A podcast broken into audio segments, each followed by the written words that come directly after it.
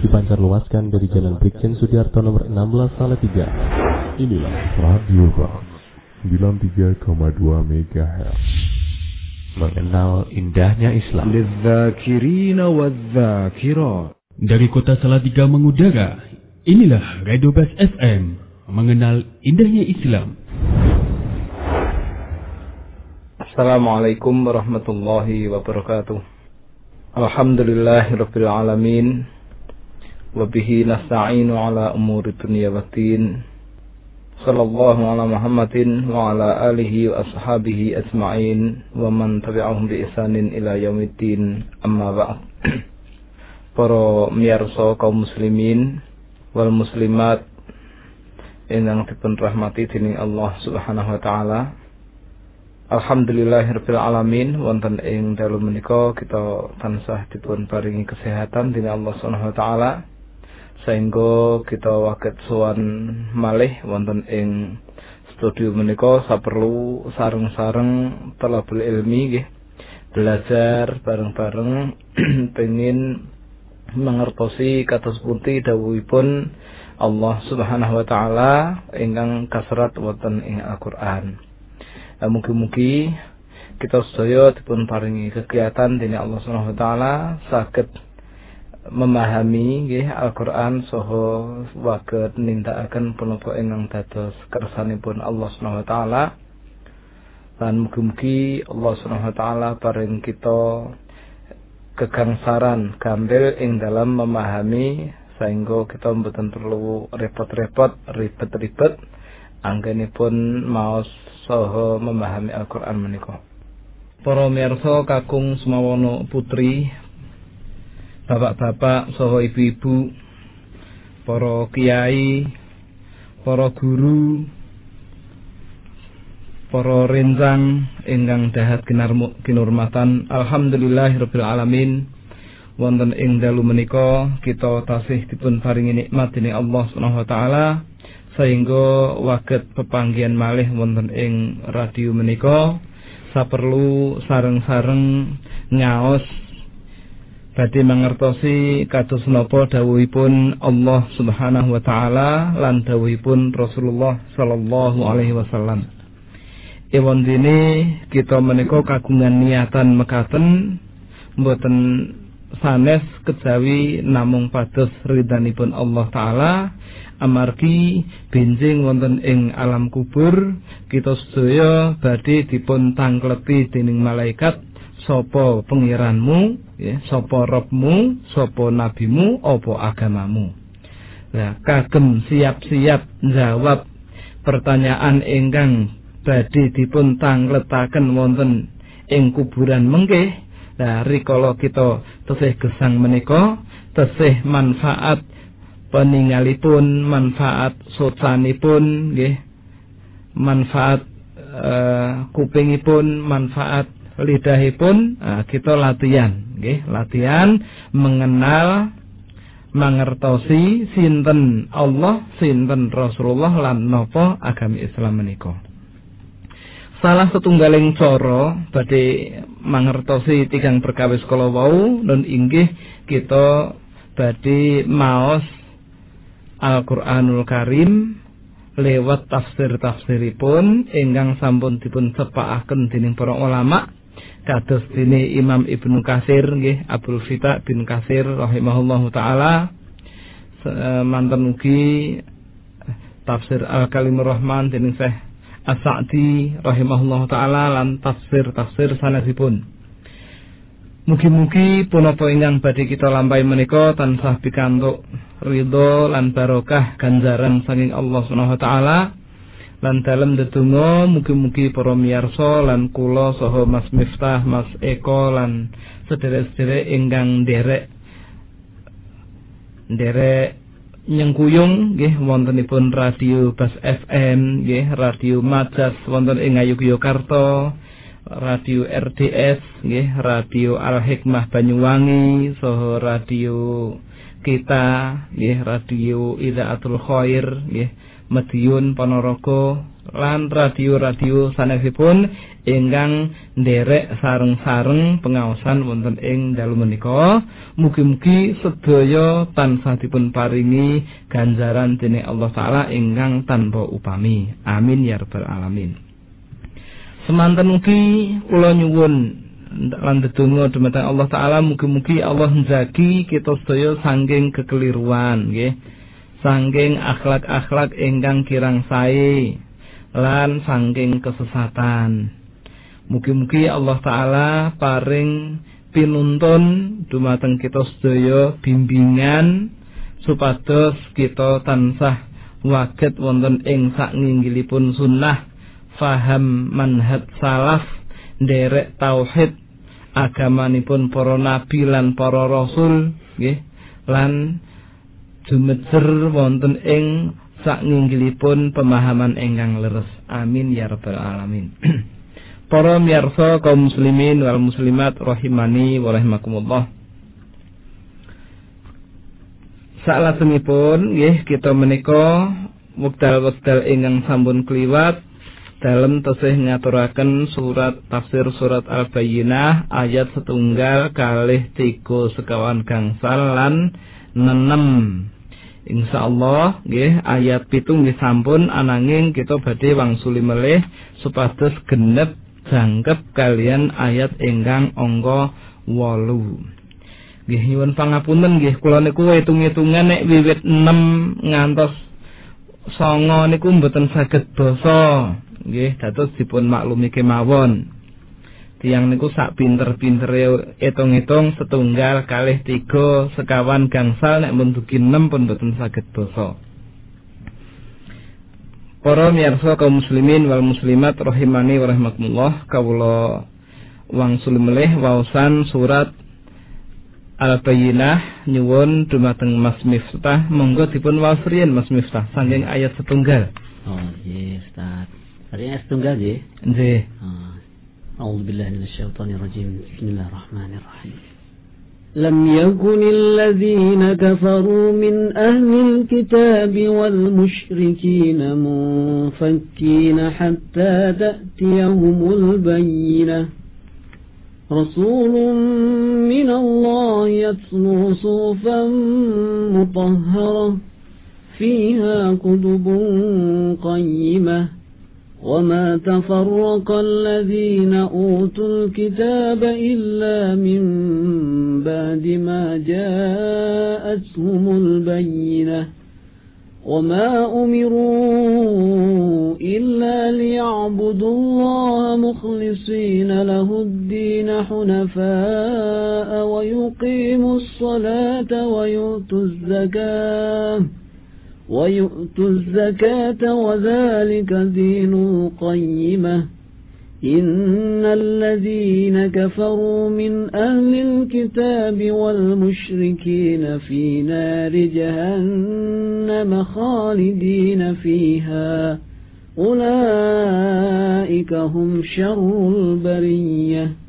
إن الذين آمنوا وعملوا الصالحات أولئك هم خير البرية جزاؤهم عند ربهم جنات عدن تجري من تحتها الأنهار خالدين فيها أبدا Dipun wangsuli saking jazaohum جزاؤهم عند ربهم جنات عدن تجري من تحتها الأنهار خالدين فيها أبدا.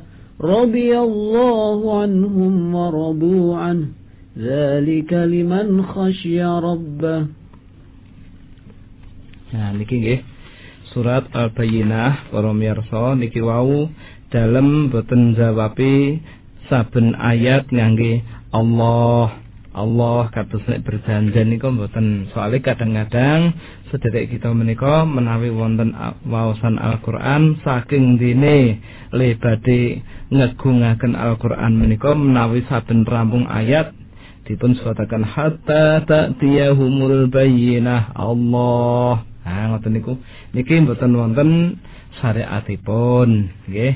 Dados kula wau nggih mboten ngoten nggih teka mendelaken mawon amargi niki nderek dawuhipun Allah Subhanahu wa taala wa idza quri'al qur'anu fastami'u lahu wa ansitu. Nek Quran iku diwaca rungokno lan menengo. Ah ngoten niku. Syukur-syukur menawi pirsa artosipun saged nyangenangen lah niku insyaallah waget nyebabaken tambahing iman Para miyarsa kaum muslimin wal muslimat rahimani wa rahimakumullah ing khususipun panjenenganipun Ustaz Zaid Susanto nggih ingkang jumeneng wonten ing Ngayogyakarta. Pripun kabaripun panjenengan? Sehat sedaya napa mboten? Anak bojo tangga teparo Pak Dik, Pak Lek lan piturutipun mbah-mbahne sami sehat nggih. Nggih, kula wonten ing mriki ndongaaken mugi-mugi panjenengan sak rencang-rencang dipun paringi bagas waras. Amin ya rabbal alamin. A'udzu billahi minasyaitonir rajim. Innal ladzina amanu wa 'amilus solihati ulaika hum khairul bariyah. Sak temene wong-wong kang padha iman lan tumindak kebecikan ula ikahum khairul bariyah. Wong-wong iku mau kalebu makhluk utawa menungso sing paling apik. Nggih. Tiang-tiang ingkang kagungan iman lan ngamal kebecikan nah, niki dening Allah Subhanahu wa taala dipun wastani khairul bariyah saapi-apike menungso. Ah niki lho enten napa to? Kok dipun wastani saapi-apike menungso? Nggih, dipun wastani saapi-apike menungso ngendikanipun Imam As-Sa'di li annahum abadullah wa arafuhu Soale wong-wong iku mau padha nyembah marang Allah taala lan padha kenal marang Allah taala. Akhiripun wafazu binaimid dunya wal akhirah. Padha bejo mborong nikmat dunya lan nikmat akhirat. Nah niki menawi kita waget ngangen-angen nggih kagungan sederek nggih kerja wonten ing Jakarta dadi tukang batu. Nah, terus bapake dadi tukang batu sing ibuke dudulan cau kalih mie rebus kalian sego bungkus. Nah, sing tuku niku pegawe-pegawe koncone pakne sing dadi tukang niku wau. Ah, nek pas rezekine apik nggih to, nek pas rezekine apik bapak niku wau kerja proyek mbun rampung nggih. Jebule wong-wong kampung niku antri sing ajeng njaluk tulung mbutuhke jasanipun bapake kala wau nggih. Anggap mawon wonten ing mriki namine Pak Burhan. Nah ngoten nggih. Ah Pak Burhan Yogyakarta Ah Pak Burhan niki dadi tukang batu ya, wonten ing Jakarta. Delalah nggih, alhamdulillah gaweane Pak Burhan niku alus apik tur jujur. Ah mboten mboten korupsi wekdal nggih to. Kadang-kadang tukang tukang-tukang niku nek do kerja jatahe umume niku jam 8 ngantek jam 4 mengke jam 12 teko jam 1 awan niku istirahat. Lah jam songo tekane setengah 10 niku leren kangge nedhi snack umumipun ngoten. Ning kadang-kadang mlampahipun niku sok dereng nganti jam 8 teko. Ning nggih ming teko tok akhiripun kongka kongko ngobrol udat udut nggih to ida itu nah, nganti setengah songo agek gelindah gelindah mangkat kerja le dipeliri karo sing duwe omah wae. Pun kerja.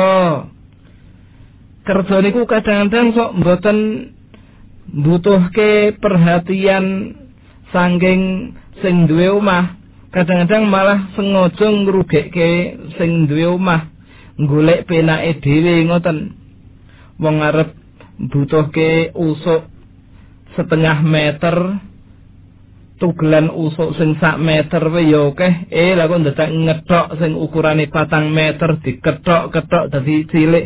Lah sing duwe omah niku nggih mikir eh lha mudeng apa ora genah apa ora tamat apa tulis sekolah jebule panten nggih tamate akeh ning panten pengin penake dhewe. Dados kadang-kadang sok enen tukang niku njengkelake ngoten niku. Lah niki kebetulan sing jenenge Mas Burhan Ngayogyakarta niki tukangan tukange apik tenan, alus garapane pedhe gansine niku nggih landhep tangane titis.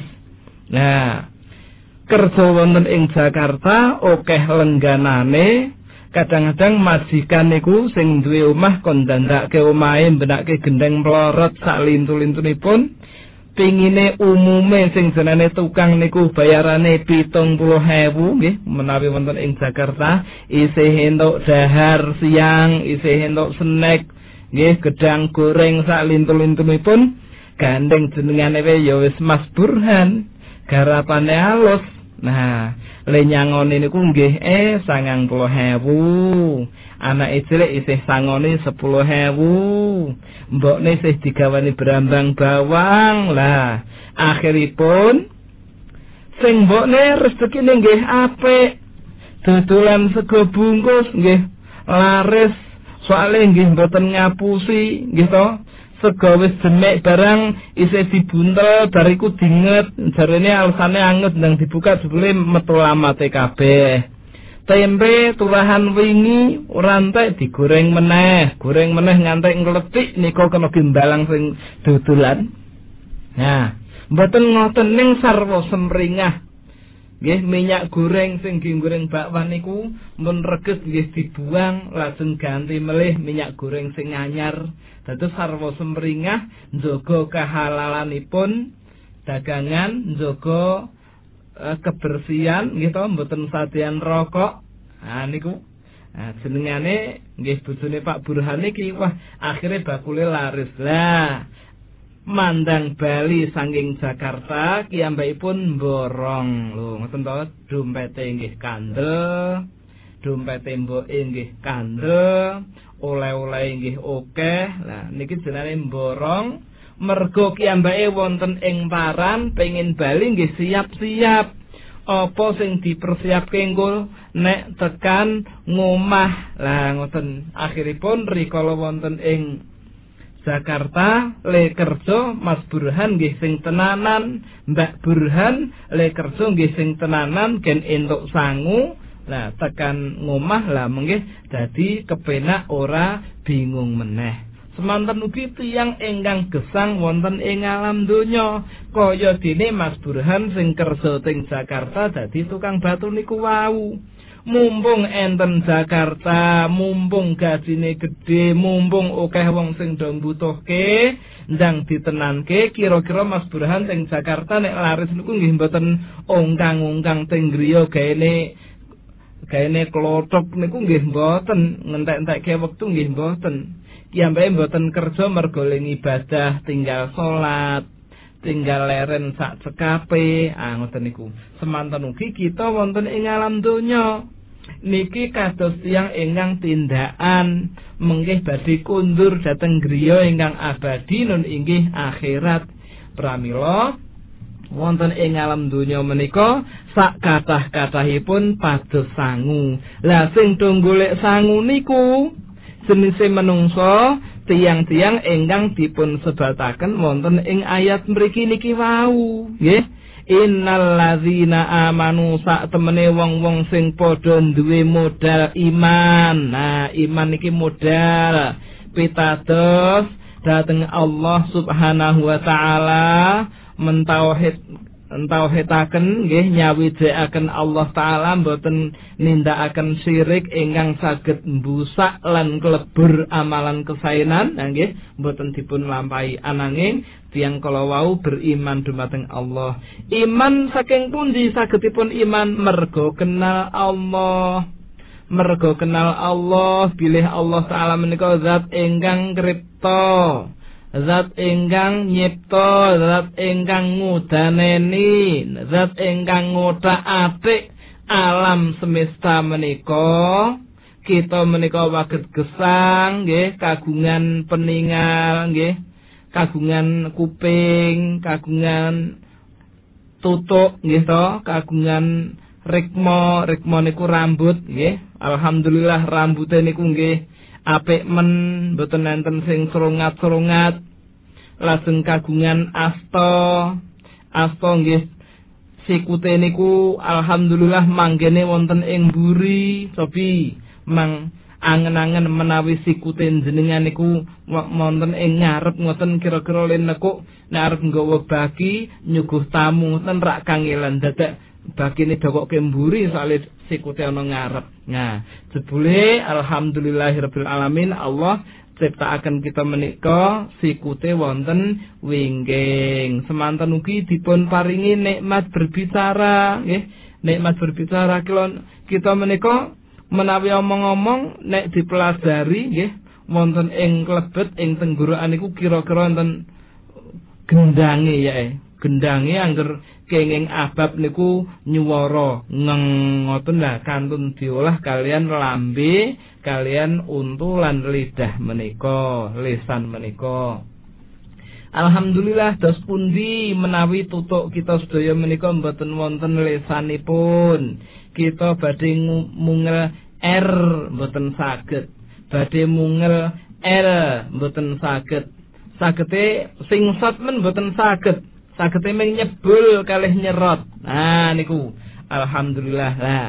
Kita kagungan Allah Subhanahu wa taala zat ingkang maha agung ngudaneni nyiptakaken kita sedaya wonten ing bentuk ingkang paling sae ngeten iki dipun syukuri lan Allah taala mboten kagungan tujuan napa-napa ing dalem nyiptakaken kita kejawi namung setunggal nun inggih tujuanipun supados kita tansah nyembah dumateng Allah taala kemawon ampun nyembah sanesipun. Kados ingkang dipun sebataken wonten ing surat Al-Baqarah nggih ayat 21 Ya ayyuhan nasu budu rabbakumul ladzi khalaqakum wal ladzina min qablikum. He menungso kabeh do nyembao marang robmu. Robmu iku zat sing wis nggawe sliramu kabeh iku. Allazi khalaqakum sing wis nggawe sliramu. Walazi naming qablikum lan ya sing nggawe wong-wong sadurungmu. Nah niki dados Imam Ibnu Katsir ngendikaken al khaliqu li hadhil asya huwal mustahiqu lil ibadati. Sing gawe sedaya ingkang wonten ing alam donya menika non inggih zat ingkang paling berhak dipun sembah. Ah ngoten. Dados nek nyembah nggih namung Allah sing gawe urip niki ampun nyembah dhateng makhluk ora iso apa-apa kok disembah Nah, niki tiang-tiang beriman niki nyembah dumateng Allah taala. Napa kok nyembah namung dumateng Allah? Mergo ngerti mergo ilmu mergo mangertosi hak penyembahan menika namung dhateng Allah taala kemawon boten dhateng sanesipun. Menawi kita mboten mangertosi kadang-kadang sok wonten saweneing tiang niku ngerti sing nyiptakaken Allah tok ning le nyembah dhateng Allah lan nggih dhateng sanesipun Allah. Niki le mboten mboten uh, mangertosi kudune piye dadi hamba menika. Mboten ngerti. Lah kok mboten ngerti? Lah ora tau ngaji. Nah pramila kita menika panten kedah rajin-rajin rawuh wonten ing majelis-majelis ilmu supados kita dipun kersakaken kesaenan dening Allah Subhanahu wa taala. Kados dawuhipun Rasulullah sallallahu alaihi wasallam wonten ing hadis ingkang pun riwayataken dening Imam Bukhari saking sahabat Abu Hurairah radhiyallahu taala anhu. Terus pundi suwa suwa suraosipun suraosipun mekaten man yuridillahu bihi khairan yufaqihu fitin sing sapa wonge dikersake dening Allah taala menika kesaenan pramila Allah pahamaken tiang kala wau dhateng agami Islam menika. Lah niki saged kagem ukuran dumateng kita sedaya para miyarsa.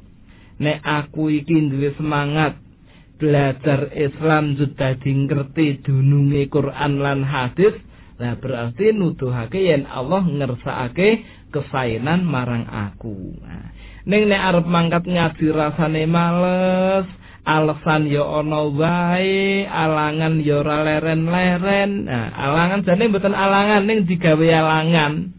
Nah, nggih to? Nah, niku gek-gek pancen Allah dereng ngersakaken kesainan dumateng tiang kala wau. Lah pramila tiang model ngeten iki kedah enggal-enggal tobat lan asrih dumateng Allah mbok menawi Allah ngersakaken mendhet rikman eh, mendhet sukmanipun wekdal niku nggih to menawi Allah ngersakaken kita sedo rikala ngaos. Ngeten iki alhamdulillah. Ning kadang-kadang badhe ngaos semoyo mawon urung ngantek ngasi akhire gedisian sedo niki naudzubillahi min dzalik Pramila para miyarsa innal ladzina amanu sak temene wong-wong kang padha iman. Nggih niki mergo kenal akhiripun iman. Nek mboten kenal pripun le dipun wastani? Iman. Mulane kita mangertosi wong-wong do murtad nika agama kok digawe kaya baju kadang dinggo kadang dicopot kadang ganti. Lah agama kok kaya sepatu kadang ganti dinggo copot. Ah nggih mboten ngoten niku. Nggih agama niki wonten ing manah dados dipaku wonten ing mriku gen boten ucul lali maku niku panten nggih ngagem ilmu belajar nek do iman ning boten ngerti karepe sing diimani nek ucul nggih maklum pramila para miyarsa menawi kita mirsani musibah ingkang menimpa natrapi dateng sederek-sederek ingkang akhiripun murtad niku jebule nggih dipilih wong sing Islam nggih nggih Islam asal-asalan. Nek sing do rajin ibadah niku ketoke kula nggih dereng nate semerep kok ngantek murtad niku. Upama enten santri kok nganti murtad akhire ndang dadi agama mboten Islam pinter men le maca salam khusuk iso maca Quran ning wong maca Al-Qur'an iso benerke mergo kleru ngoten niku. Nah, pancen ming pinter ngaji ning mahami pengajian mboten pinter, mboten saged, mboten pikantuk pitedah saking Allah taala. Salat jamaah ya ora tau, salat kadang-kadang ditinggalke, kadang prei nggih to. Kemaksiatan-kemaksiatan nggih dipun lampahi, ah rakyat tong zahire santri tiang ngeten iki murtad nggih saged kemawon. Ah ngoten pramila para bapak, para ibu, para miyarsa, monggo kita tansah nyuwun ndedonga nyuwun dumateng Allah Subhanahu wa taala. Mugi-mugi Allah tansah paring kegiatan iman dumateng kita sedaya. Amin ya rabbal alamin. Wa amilus solihati lan wong-wong sing padha ngamal soleh. Tiang-tiang enggang ngamal soleh. Napa ngamal soleh menika ngamal soleh menika amal-amal ingkang kagungan kalih syarat. Gitu kalih syarat. Syarat amal dipun wastani soleh menika menawi wonten kalih perkawis nggih. Nomor setunggalipun ikhlas lan nomor kalihipun mutabaah Hmm, apa to Pak Kiai sing jenenge mutabaah iku mutabaah niku nderek contoh sangking Rasulullah sallallahu alaihi wasallam. Lah jarene nek ngen pidato ngen ngantenan niku Rasulullah dipun wastani tulodo, gitu. Nah, dipun sebat-sebat dening para miarsa rikala pidato wonten ing nganten nika Rasulullah niku jarine sak sae-saenipun tulodo. Lah tulodo niku nggih dinut. tuladhane pripun? Modele Rasulullah salat pripun? Modele Rasulullah zikir pripun? Modele Rasulullah ndonga pripun? Lan amal-amal sanesipun modelipun Rasulullah pripun mempergauli istri dos pundi? Modelipun Rasulullah didik anak-anak kados pundi? Lah niki menawi ndadosaken Rasulullah dados tulodo menika nggih pun pelajari. Lah niki nembe dipun wasani amal soleh menawi amal kala wau dipun lampahi kanthi ikhlas lan mutabaah utawi nderek Rasulullah. Lamun amalan kala wau ikhlas ning boten nderek tuntunan Rasulullah nggih mboten dipun wasani amal soleh. Kosok wangsulipun amal kala wau nderek tuntunanipun Rasulullah ning mboten ikhlas. Mboten dipun wasani amal soleh. Nyantos amalan kala wau dipun lampahi kanthi ikhlas lan mutabaah niki kados ingkang dipun ngendikaken dening para ulama kados to Al-Fudil bin Iyad lan sanes-sanesipun. Lah pripun tiang-tiang ingkang iman lan ngamal soleh niki wau ulaika hum khairul bariyah. Wong-wong iku kagolong menungso sing paling apik. Menungso sing paling apik menggah Imam Ibnu Katsir nggih mbetakaken riwayat saking Abu Hurairah lan sawenaing ulama bilih unggulipun tiang-tiang mukmin menika ngungguli malaikat. Oh, gitu. Unggulipun tiang-tiang mukmin menika ngungguli malaikat. Lah kok iso? Nggih Abu Hurairah lan sanes-sanesipun radhiyallahu anhum kala wau adi dasar saking ulaika hum khairul bariyah. Wong-wong iku mau kalebu makhluk sing paling apik. Lah makhluk malaikat niku nggih kalebu makhluk. Nah makhluk sing paling apik. Lah niki iman. Pramila sak sampunipun kita mangertosi bilih tiang mukmin lan enggang nindakaken amal kebersihan menika jebule langkung utama ketimbang malaikat. Lah dipun wasani ngoten pripun? Soalnya kita menika gesang niki diawasi dening para malaikat lho para sederek nggih mboten? Ma yalfizu min qaulin illa ladaihi raqibun atid. Ora ana suwijining ucapan sing kemecap kejaba mesti ana sing jenengane malaikat rokib lan atid. Nah, malaikat niki ngawasi dumateng kita sedaya laku laku tindak ucapan sak kecap rong kecap nggih dipun catet dening malaikat. Ingkang sae nggih dicatet sae ingkang awon inggih dipun catet awon.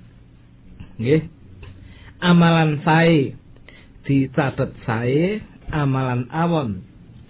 Dicatet awon.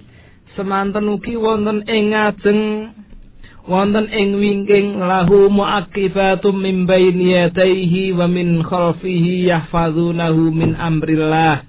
Ngarepe lan burine menungso niku enten malaikat sing jaga tiang kala wau saking perintahipun Allah taala Berarti menungso siji menungso siji niku Bu, Pak, Mbah, Lek, D, Kang, Yu. Niku wong siji niku diawasi pinten malaikat niku sekawan nggih kiwa tengen ngarep mburi. Lah pirang-pirang malaikat. Lah nek wong mukmin nyamal soleh percaya yen kiwa tengen ngarep mburine iku ana malaikat njut menawi badhe maksiat dumateng Allah taala menika nggih riko. Lah niku lho sing marake do nindakaken kesaenan menika merga riko kalian malaikat mboten wantun nindakaken kemaksiatan. Pramila nggih namung tiang-tiang ingkang kenal dumateng Allah, kenal dumateng malaikat-malaikat Allah, kenal dumateng yaumul akhir dateng kitab suci dateng nabi-nabi dateng takdir gitu sing kenal niki wau sing nyoto-nyoto adrih dumateng Allah lan isin sanging para malaikat. Pramila Allah dawuh innama yakhshallaha min ibadihi al ulama'u sak temene hamba-hamba kawulaning Allah sing paling adrih paling wedi marang Allah nun inggih namung para ulama mboten wonten sanesipun. Wah, nek carane ngono ya kiai-kiai kae ya. Ulama-ulama kae ya sing iso sing iso dadi wong sing taat, iso dadi wong sing wedi marang Allah awake dhewe ya ora mungkin awake dhewe wong umum nggih mboten ngoten, Mbah. Awake dhewe niku menawi rajin nyaos nggih ngrawuhi majelis-majelis pengaosan salat jamaah dipun lampahi terus nggih kadang-kadang ajak-ajak rintang menawi badhe uh, nindai pengaosan nggih. Wonten ing pengaosan kala wau dipun rembak Al-Qur'an dipun rembak hadis nggih. Dawuhipun Allah dipun sebat dawuhipun Rasulullah dipun sebat menggih dangu-dangu rak nggih kagungan ngelmu to. Nah, menawi kagungan ngelmu berarti kita saged nindakaken sebatas ilmu ingkang kita pikantuki kala wau ingkang kita tampi kala wau. Dados mboten sah cilik aten nggih.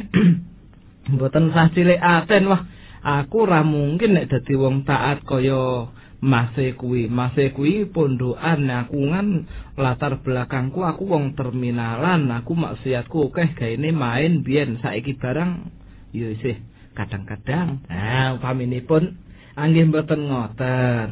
Sing penting kita menika tansah nyenyuwun kegiatan dumateng Allah taala. Lah nek ming alasan ngoten padune ora taat nggih alasan. Nggih to? Ah niki pun beda melih nggih innalladzina amanu wa amilus solihat. Ulaika hum khairul bariyah. Ya sak yektosipun tiang-tiang mukmin, tiang-tiang ingkang kagungan iman dumateng Allah lan rukun iman sanesipun lan tansah nindakaken amal kebencian tiang-tiang kala wau kalebet makhluk ingkang paling utama. Nah, malah Imam Ibnu Kasir niku ngendikaaken riwayat sanging para sebagian sahabat bilih utamane menungsa niku jebule malah ngungkuli malaikat. Allahu Akbar. Niki niki kesainan ingkang dipun paringaken dening Allah taala dumateng kita sedaya ananging ingkang dipun ngendikaaken dening Imam As-Sa'di menika tiang-tiang mukmin niku wau lan ngamal soleh sebule ingkang dipun sebat sebagai makhluk terbaik mboten namung utama wonten ing akhirat tok ning jebule wonten ing alam donya nggih kalebu tiang ingkang pikantuk kenikmatan. Nah ngoten nikmat niku mboten namung arupi bondo donya. Kadang-kadang bondo donya mboten dadi nikmat ning malah dadi azab. Pramila kados pundi?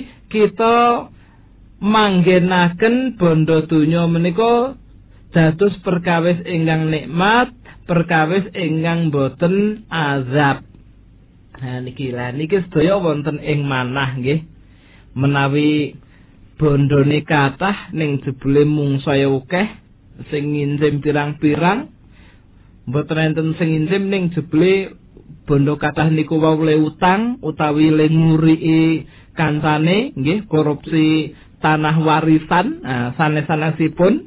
Lah nggih mboten tentrem wonten ing alam donya. Ra ketung ketoke mobile pirang-pirang motore pirang-pirang anake pirang-pirang bojone ah bojone mboten wani pirang-pirang wedi ah nggih to ah omahe pirang-pirang Mboten mesti tiang kala wau nikmat wonten ing alam donya, Bu. Mboten mesti. Amargi nikmat wonten ing alam donya menika manggenipun wonten ing manah niki ingkang dipun wastani hayatan thayyibah, kehidupan yang baik. Ulama ngendikaken kehidupan yang bahagia, nggih, kehidupan yang baik niku maksudipun sarahatus sadri wa tumakninatul qalbi. Dodone jembar atine tentrem. Nah niku lho.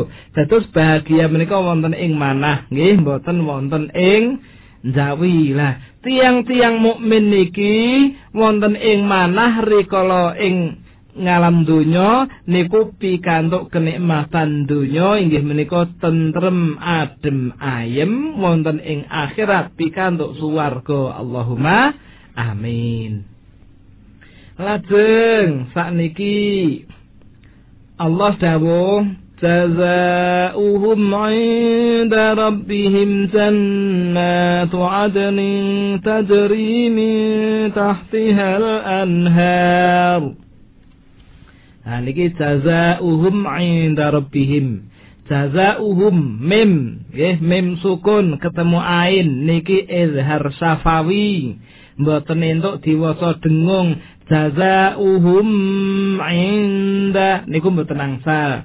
Ning kudune jelas le ngucapaken mim jazaohum. Ah, la 'inda niki ikhfa nggih non sukun ketemu dal nek ikhfa niku menawi ngucap irunge dibumpeti niku suarane isih ana ning nek ngucap irunge bumpeti kok suarane ilang Nah, berarti niku mboten ikhfa, niku jenenge gunnah utawi dengung. La inda, mboten inda. Menawi kita ngucap inda, ilate niku nempel wonten ing langit-langit ngajeng inda niku mengke menawi irunge ditutupi suarane ilang ain. Ha lagi ngoten to? Ilang. Sami mirsani mboten para mirsa mboten saged. Nggih nek pun duwe TV ken saged dipun pirsani nggih mangdongake Allahumma amin. Ah niki ikhfa niku inda dados inda niku menawi diucapaken irunge tutupi masih masih ada suaranya. Terus enten uh, surau uh, suar suwantenipun. Lah rakyat wong rada bindeng ning suara niku tetep terus wonten mergane mboten wonten ing irung. Ah ngoten. Jazaohum inda rabbihim.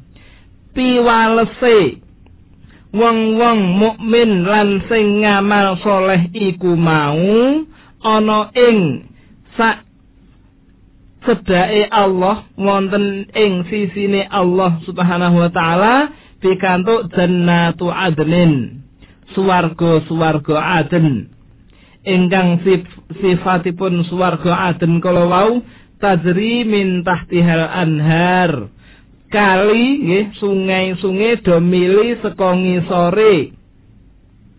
Do mili saka ngisore. Khalidina fiha. Wong-wong mau sak lawas-lawase ana kono. Abada nggih sak lawas-lawase. Radhiyallahu anhum Allah paring ridho sangka menungso mau Allah wis ridho sangka wong-wong mau waradu anhu lan wong-wong mau ya ridho sangka Allah Subhanahu wa taala. Lan napa kok Allah ridho? Allah ridho marang wong-wong mau sebabe wong-wong mau wis nindakake perintah Allah akhirnya Allah ridho. Kados menawi kita datang ibu nggih menawi ibu menika kagungan perintah dumateng kita ngger tak kandhani ya ngger. Nggih mboke mbok biung dos pundi mbok? Ngene lho. Kae pakmu gedhe sing ana karang gedhe kae wis tuwa. Iki punjungen rono ya ngger ya aja lali rantange. Engko nek eneng kono keri ya wis tinggal kabeh wae ora apa-apa diikhlaske nyo iki wis tak siapke kono ndang mangkat. Lah niki nggih tetep cepet-cepet. Raketung anak niki wau nembe wonten pekerjaan ge nggarap PR nggih. Napa nembe nggarap prakarya kalih kanca-kancane nggih. Prakarya kalih gurune kon ngenam gedhek. Nah upaminipun nggih utawi nembe SMS mutek-utek HP utawi nembe dandan dandan dandan komputer. Uh, age asik-asik ngrungokke eh mbok ne kongkonan e alah mbok mbok ha malah ngoten niku. Nggih ampun. Ning menawi mbok e niku wau ngger tak kandhani kowe saiki mangkato kono nggih langsung ndang nyat diculke terus napa mbok iki ternarana langsung enggal-enggal mangkat. Lah niku rikala anak kala wau tindak wonten ing mergi nggih mbok neneku alhamdulillah aku ridho marang sliramu le. Ridho ma marang sliramu ngger. Kowe akeh duwe gawean kaya ngono pentinge tak kongkon kaya langsung mangkat Masya Allah Alhamdulillah anak kundang ngaji ki gampang era jamak dikongkon wong tuwa Masya Allah kaya ngono kuwi aku ridho ngger ah muga-muga ning dalan selamat yo lah tungane niku werna-werna Ah, muga-muga yo ngger, kowe entuk bojo sing ayu gedhe dhuwur. Ah, ngoten niku. Menawi anake wedok Allah muga-muga yo nduk. Kowe kok ngumbahake pakaianku senengane nyapu nang omah piring urung tak sae malah wis tok disiki. Esuk-esuk wis nggawe kopi kanggo bapake romae alhamdulillah nduk kowe rek apike kaya ngono. Raketung wis nganggo jilbab gedhe dadi ala-ala ning jebule malah saya apik. Ngaji ning endi to jane tanduk kok iso dadi apik men kaya ngono kuwi? Aku ridho nduk. Muga-muga kowe entuk bojo sing saleh ya nduk. Bojo sing iso sayang marang sliramu ya nduk. Ah ngoten niku. Dongane wong tuwa dhateng anak niku. Wis mboten karuan. Mergo wong tuwa niku ridho dumateng anak. Yen anak niku gawe senenge wong tuwa nek dikongkon nurut. Semanten ugi kita dumateng Allah Subhanahu wa taala. Wonten swanten azan. Hayya 'alas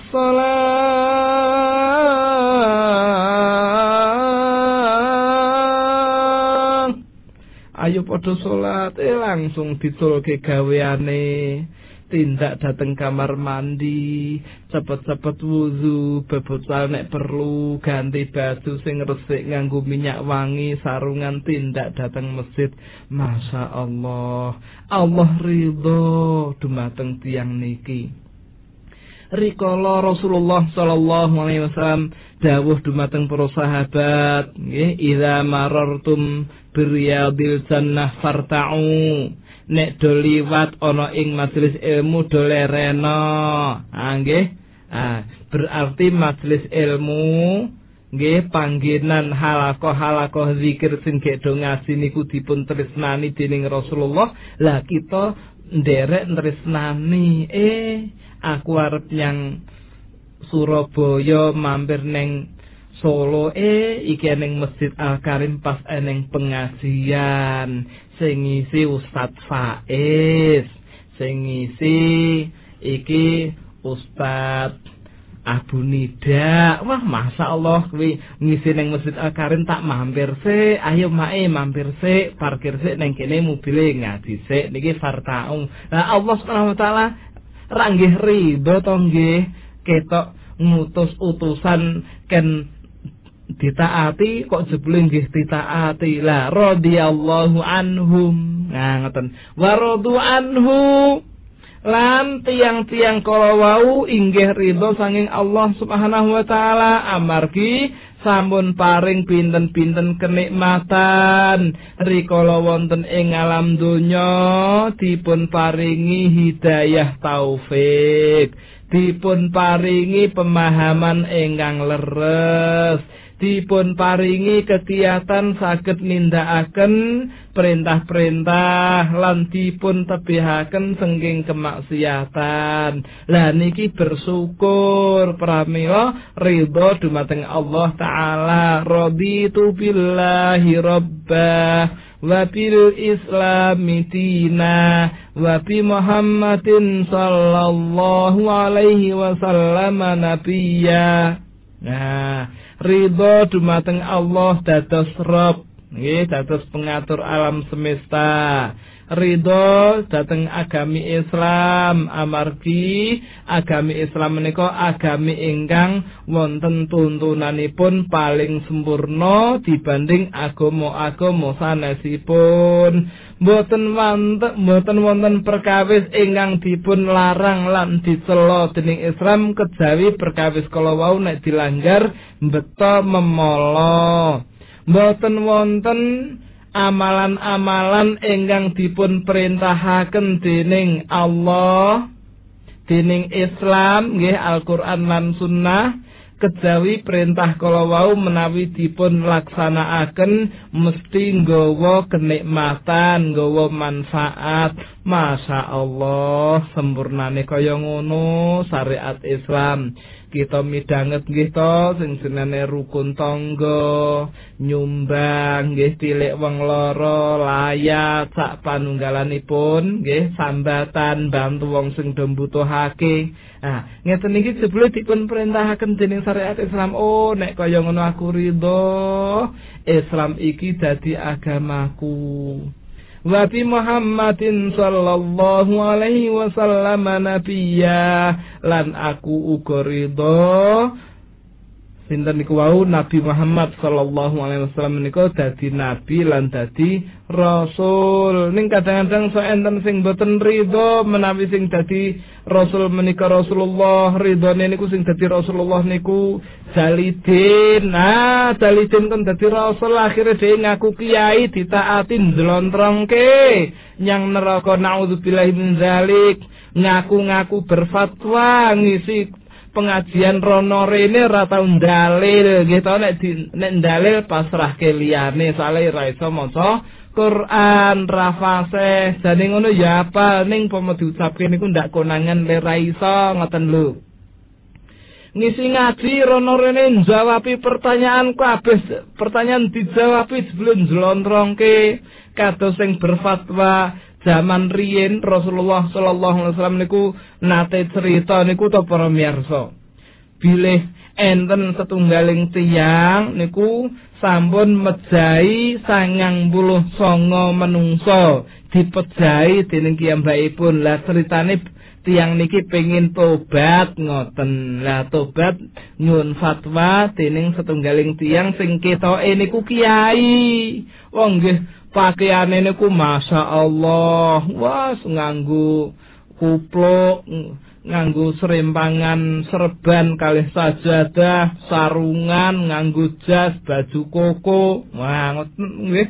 Tampilane niku tampilane niku pun kaya kiai nika. Lah terus ngisi pengajian gitu mriko-mriki murid kathah.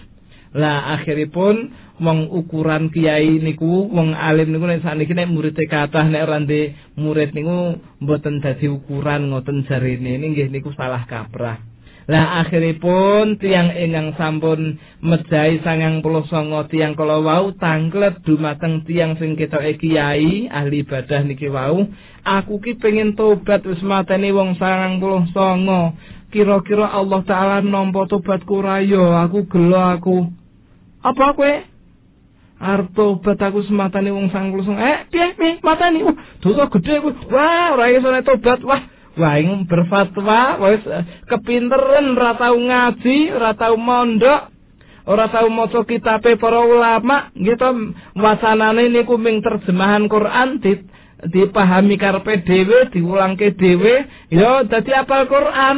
Mergole bola-bali ngandhake ning sebelum ming apal ayate nomere nek kon ngucapke lali. Lah gitu kabeh pertanyaan dijawab niki wau dijlontrongke. Akhire napa? Sing matani puluh songo nyun fatwa kalau kalau wau dipun paringi fatwa tobatmu ra mungkin ditampa kowe wis gegeden dosamu oh kowe to kiai kaya ngono babat sisan kowe. Akhirnya pun ditebas dening tiang kelawau genep satus. Akhirnya pun tiang kelawau tobat melih ya Allah aku ki tak kok apik-apik jawaban yo malah kaya ngono jengkel kerja mak jengkel aku pateni sisan. Wah jebule mateni meneh ya Allah rek wis status lagi tak pateni piye jutan yo ngangen nangen wah eh mbok menawa lah sing penting aku arep golek kiai golek wong alim arep takok aku arep tobat aku. Akhiripun kepanggih dumateng tiang soleh tiang ingang kagungan ilmu. Pak kula niki pun mateni tiyang satus. Kula badhe tobat niku kinten-kinten saged napa mboten nggih? Dosa kula niku mun kathah banget kula niku bareng langit ing blumbang dosa. Dos pundi niki Pak Oh ngono to? Ya ya ya. Aku ngerti karepmu. Kowe arep tobat ngono to lehmu. Tindak kemaksiatan mau nggih. Tobatmu ditampa marang Allah taala. Tobatmu ditampa. Muga-muga dosamu sing akeh mau di ngapura. Allah Maha Pengampun. Ning ngene carane kowe gen iso saya apik gen ora kumat lehmu maksiat kono kowe pindah omah wae minuju wijining kampung sing kono akeh wong sing do nyembah Allah Sing pundi niku kono rada adoh kowe gelem ra mlaku rono purun-purun kula manut menapa kemawon ingkang panjenengan perintahaken kula taat. Yo, aku ra ngongkon kowe akeh-akeh wis sing penting kowe ninggalno omahmu, kowe marana kono akeh wong sing saleh. Kowe ning kono gen kumpul wong-wong sing do apik ngaji ana kono. Saestu tiang kulawa legawa alhamdulillah.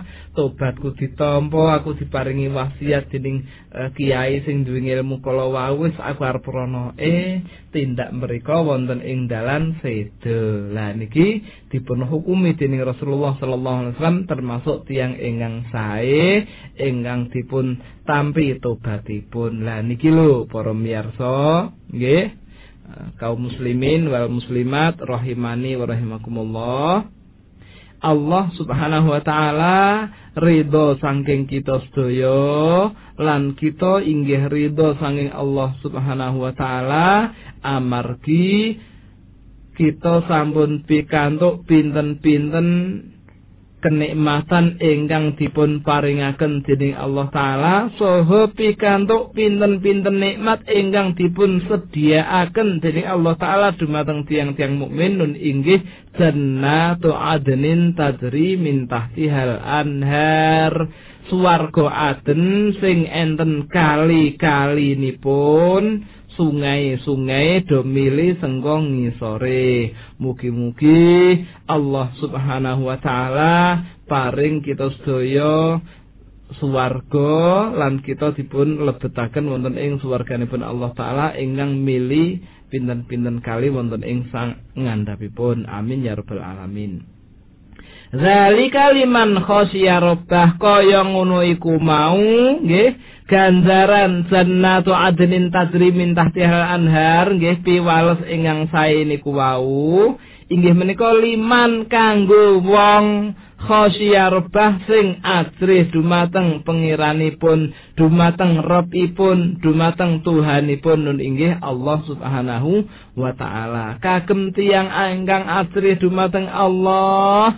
Akhiripun mergo ajrih dumateng Allah taala tiang kala wau nebihi pinten-pinten kemaksiatan lan enggal-enggal nindakaken punapa ingkang dipun wajibaken dening Allah taala dumateng piyambakipun para miyarsa kaum muslimin wal muslimat rahimani wa rahimakumullah alhamdulillahirabbil alamin. Kita sampun ngrampungaken ayat 8 sanging surat al bayyinah mugi-mugi Allah Subhanahu wa taala paring kegiatan dumateng kita sedaya ing dalem pados sangu rikala gesang wonten ing alam donya menika. Lan mugi-mugi kita pikantuk keselamatan wonten ing donya lan akhirat. Amin amin amin ya rabbal alamin.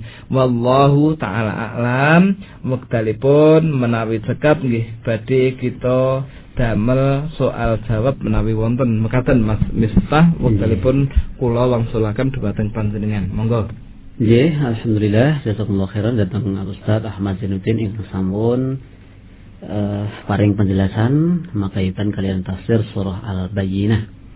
Lan inggal ke molo kita ngaji adicara tanya jawab ingkang sak menika sampun wonten pinten-pinten serat nggih SMS ingkang mlebet kene menika insyaallah badhe kita wasaken setunggal mongko setunggal. Ingkang menika pertama saking ingkang menika pemirsa saking Madiun menika wonten Bunur saking Madiun. Oh nggih, nggih monggo Bunur. Makaitan kalian kewajiban menuntut ilmu namun eh, menika dalam menika termasuk tiang ingkang Uh, kaitanipun kalian faktor menuntut ilmu menika perlu kemauan macam-macam utawi warni-warni ingkang dados penghalang menuntut ilmu kados to ekonomi usia lan sak sanes-sanesipun. Lah, pit uh, pitangletipun utawi pertanyaanipun inggih menika menapa midhangetaken radio dakwah menika saged dipun wastani tolabul ilmi Ustaz matur suwun. Oh, nggih. Ibu Nur ingkang jumeneng wonten ing tlatah Madiun nggih. Mugi-mugi Allah Subhanahu wa taala tansah paring kesehatan lan pemahaman ingkang saya dumateng panjenengan sak keluarga lan dalem matur nuwun sak kathah-kathahipun. Ewon dini panjenengan sampun nderek berpartisipasi nggih dateng radio menika. Mugi-mugi radio jenengan awet kalih radio kita wonten ing Medion Medion nggih dipun paringi awet alat-alatipun. Allahumma amin.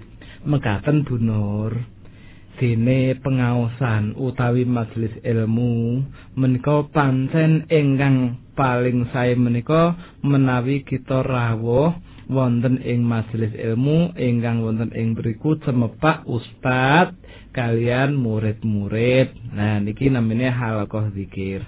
Ananging boten menutup kemungkinan menawi panjenengan lenggah nggih, lenggah wonten ing dalem kalih maos. Maos terjemahan Al-Qur'an nggih nopo maos majalah As-Sunnah, majalah Al-Furqan. Nah, ngoten niku to, maos majalah Fatawa soal Barka Yogyo ngaji tengene Syekh Abdul Zakriya menika Bali disangoni majalah Fatawa gratis. Masya Allah entuk buku napa nika? Terjemahan pedagang yang tidak rugi nggih karanganipun sing disusun dening Syekh Ubid uh, Asindi alhamdulillah nggih dadi dumi niku sing diterbitke dening Pondok Pesantren Al Ukhwah Sukoharjo nika lho Masya Allah, Alhamdulillah. Lan jenengan maos buku-buku niku wonten ing dalem niku nggih termasuk majelis ilmu. Semanten ugi midhangetaken pengaosan wonten ing radio utawi wonten ing TV nggih, TV Insan TV, napa Roja TV, napa sanesipun TV-TV ingkang nyebaraken sunah-sunah Nabi nggih. Saha midhangetaken MP3 nggih to ceramah-ceramah nggih. Nah, niki nggih termasuk majelis ilmu. Ning urusan keutamaan nggih ingkang paling utami nggih wonten ing majelis ilmu ingkang wonten ustadipun. Ning nggih mboten menutup kemungkinan bilih midhangetaken radio menika kalebet majelis ilmu. Napa melih menawi midhangetaken radio menika waget soal jawab. Nah, gitu. Waget soal jawab berarti niki kaya wonten ing majelis ilmu saestu. Ning kadang-kadang kita rak terganggu. Nggih mboten saged fokus menawi ngaos saking radio. Ning mboten berarti dalem ngaturaken ngeten menika senana rasa ngrungokne radio padha wae rek. Ha nggih mboten. Nggih tetep benten Bu. Benten. Mekaten bunur ingkang waget dalem aturaken mugi-mugi Allah Subhanahu wa taala paring pemahaman ingkang sae dumateng panjenengan sak keluarga saha dumateng para miyarsa sanesipun termasuk dumateng kula lan Mas Miftah. Nyuwun pangapunten mbok menawi jawaban kawula kala wau kirang meranani dhateng penggalih panjenengan. Wallahu taala alam. Iya. Kita badhe nglajengaken maosaken eh soal pertanyaan menika saking pemirsa saking Bantul menika Oh, Mbak nggih. Mariatun. Oh Mbak Mariatun, Masya Nggih. Allah. Nggih, monggo Mbak Mariatun. Assalamualaikum Ustaz. Waalaikumsalam warahmatullahi wabarakatuh. Pripun miturut agami Islam. Nah niki dipun anu niki kali laten terjemahaken wong niki SMS pun nggih mboten nggih basa Jawa Ustaz nggih. Oh, bahasa Indonesia. Nggih. oh, nggih mang waos bahasa Indonesia ki Oh, mawon. nggih. Nggih. Eh menika menawi wonten salah tunggalipun ustaz utawi kiai ngoten Nggih. ingkang eh ngakeni mampu utawi saged mindahaken makhluk halus ingkang nunggoni griya. Nah, ingkang menika dipun anggap ganggu eh piyantun. Nah, menika ingkang ganggu tiyang kang kesurupan ngantos kesurupan. Menika miturut Islam kados pundi? Menika Ustaz. Oh, nggih. Nggih nek masalah jin demit danyang niku nggih Mbak sinten niku? Mbak? Mariatun. Eh Mbak Mariatun. Nggih niku makhluk gaib nggih. Dipun wasane gaib niku ora iso dicekel, ora iso didemek, ora iso didelok. Nah niku jenenge gaib nggih Mbak Mariatun. Lah tiyang ingkang ngaku-ngaku ngerti masalah gaib ah, niki nyamari nggih, nyamari amargi ingkang mangertosi perkawis gaib menika Allah Subhanahu wa taala kemawon. Sanesipun Allah mboten waget. Rasulullah kemawon sallallahu alaihi wasallam mboten mangertosi ingkang gaib. Uh, dawuh Rasulullah dipun serat wonten ing Al-Qur'an lau a'lamul ghaiba lastaksartu minal khair. Nek aku ngerti perkara gaib wah aku ngukeh-ukehke perkara sing apik. Ah ngoten. Upama Rasulullah sallallahu alaihi wasallam niku ngerti perkara gaib sadurunge tindak dakwah dateng Taif ngerti nek ajeng ming dibanggali watu. Kira-kira alah aku ora arep dakwah ning Taif ora wurung kono ning kono ya ming arep dibanggali watu wek nah Rasulullah. Upama ngerti sing gaib ra nggih ngoten? Ning gandeng Rasulullah mboten ngerti sing gaib nggih teko tindak ngoten kemawon. Ra ketung jebule dugi mriku dibanggali watu kalih bocah-bocah ngantos medal rahipun. Nah terus nggih menungso sakliyane Allah taala menika mboten wonten ingkang mangertosi ingkang gaib. Lah jin demit niku termasuk perkawis ingkang gaib.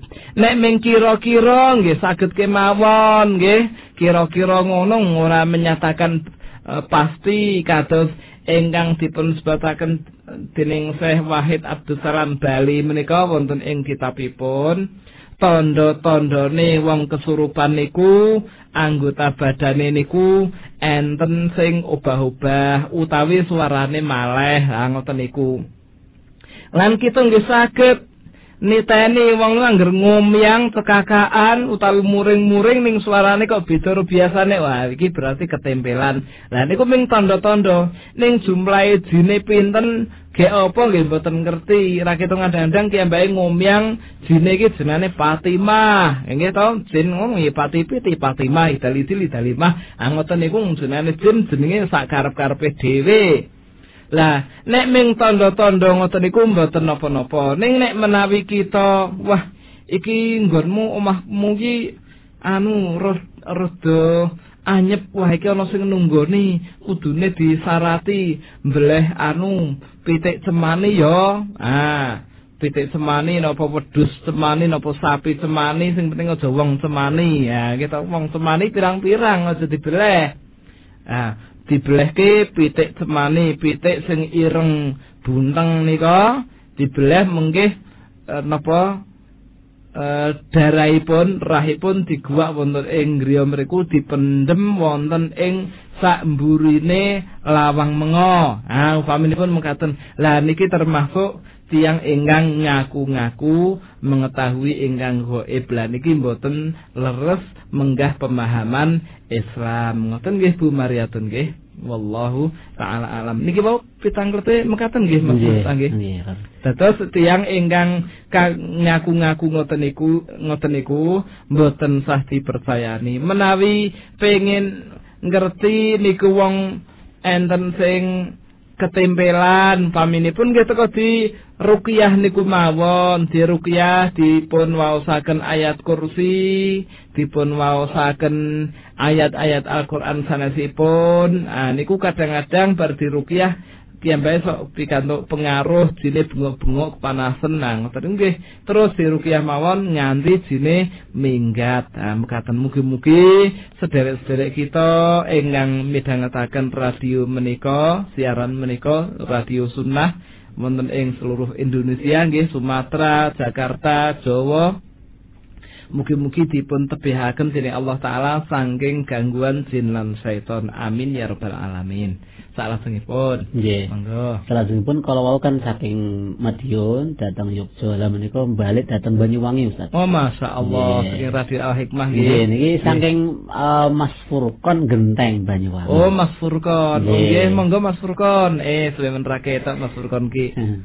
Assalamualaikum. Waalaikumsalam warahmatullahi wabarakatuh. Mugi-mugi Ustaz senantiasa dipun jagi kalian Allah Subhanahu wa taala lan mugi-mugi gesang lan ilmunipun manfaat fi dunia wal akhirah. Amin, amin, amin ya rabbal alamin. Ustaz kados pundi tiang umpami ngelampai siam sunnah utawi maos Al-Qur'an tapi niatipun boten krana Allah nanging krana urusan donya.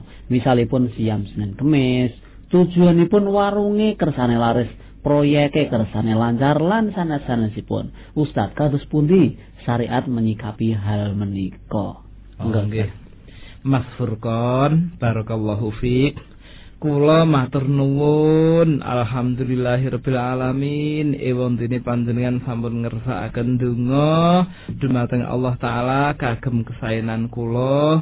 Mugi-mugi Allah Subhanahu wa taala inggih paring punapa ingkang panjenengan suwunaken kagem kula ugi sumrambah dumateng panjenengan lan sedaya para miyarsa. Amin ya rabbal alamin.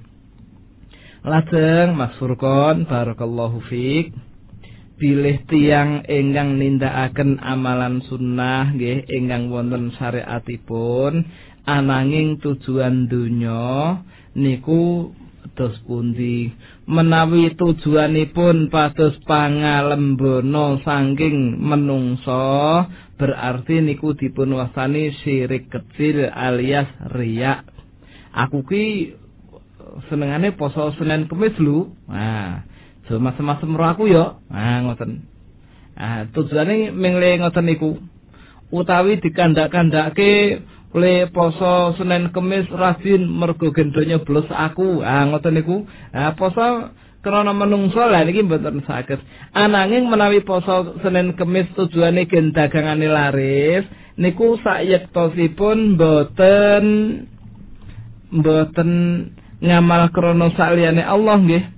Mboten ngamal krana saliyane Allah. Ananging kiyambakipun kala wau pengin tawasul ah ngoten nggih tawasul golek wasilah lan golek wasilah ngagem cara ngeten iki dipun parengaken dening syariat mekaten para miyarsa. Dados ah, nggih tawasul niki.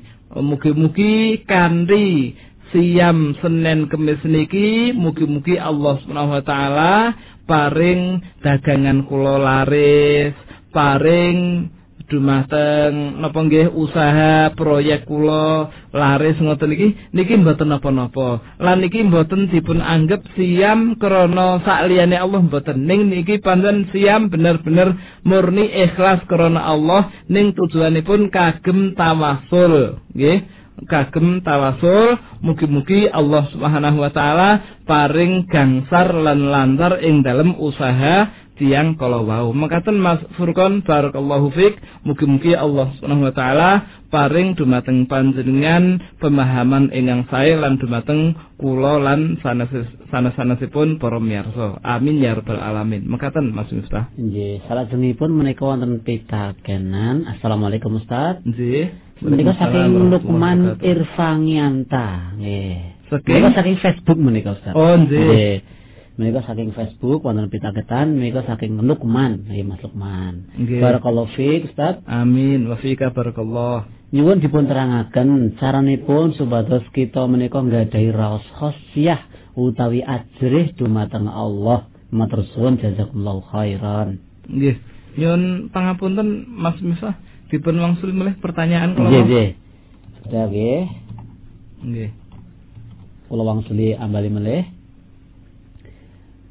E, nyuwun dipun terangaken caranipun supados kita menika saged nggadahi raos khosyatullah utawi ajrih dumateng Allah Subhanahu wa taala. Matur suwun jazakumullahu khairan. Oh nggih. Wa iyyakum. Dados supados kita kagungan raos ajrih dumateng Allah taala, khosyah dumateng Allah taala, nggih niki ngagem ilmu, nggih. Ngagem ilmu uh, bilih kita mangertosi Allah Subhanahu wa taala menika syadidul iqab, nggih. Zat ingkang maha keras siksaanipun, nggih. Zul quwwatil matin nggih kagungan kekuatan ingkang luar biasa.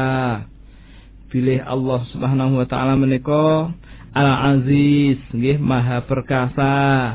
Allah Subhanahu wa taala menika nyediaaken dumateng tiang-tiang ingkang maksiat lan tiang-tiang kafir neraka ingkang isine neraka niku mawarna-warna dipun sebataken wonten ing Al-Qur'an lan hadis. Lah niki nyebabaken kita dados tambah asrih dumateng Allah Subhanahu wa taala. Lah ulama ngendikaaken kita nambah raos asrih menika menawi pas sehat nggih, menawi pas sehat niku supados raos asrih dumateng Allah taala niku diunggulke. Ning menawi pas uh, sakit nggih pas gerah niku rojak utawi berharap dumateng Allah taala ingkang dipun unggulaken supados mboten putus asa. Lah, semanten ugi nek pas sehat, kepenak, longgar bugar niku raos asrih dumateng Allah ingkang dipun unggulaken ketimbang rojakipun supados mboten keliwat wates lan rumangsa aman. Nah, mboten supados mboten ngoten niku. Lah intinipun kagem nambah raos khosyah dumateng Allah taala nun inggih memahami nginggilaken ma'rifatullah mengenal Allah. Amargi Allah dawuh innama yakhshallaha min ibadihi al ulama'u hamba-hamba sing paling wedi marang Allah ya ming para ulama. Lah lewedi niku mergo ngerti kados awake dhewe niki wedi karo tawon niku mergo ngerti tawon ki nek ngentup lara. Ngoten niku. Wedi karo kelabang. Mergo ngerti kelabang niku nek nek napa niku nggih? Nek ngentup lara nyokot kalih anu nyokot kalih ngidoni ketok isi niku. Napa kelabang niku? Nek nyokot lara Ah iki mergo ngerti bahayane lah. Asrih dumateng Allah taala amargi Allah taala nyediaaken neraka ingkang isine wah luar biasa mengenaskan mengerikan. Lan kita berharap dumateng Allah taala mergo Allah taala nyediaaken swarga ingkang isine sarwa kenikmatan.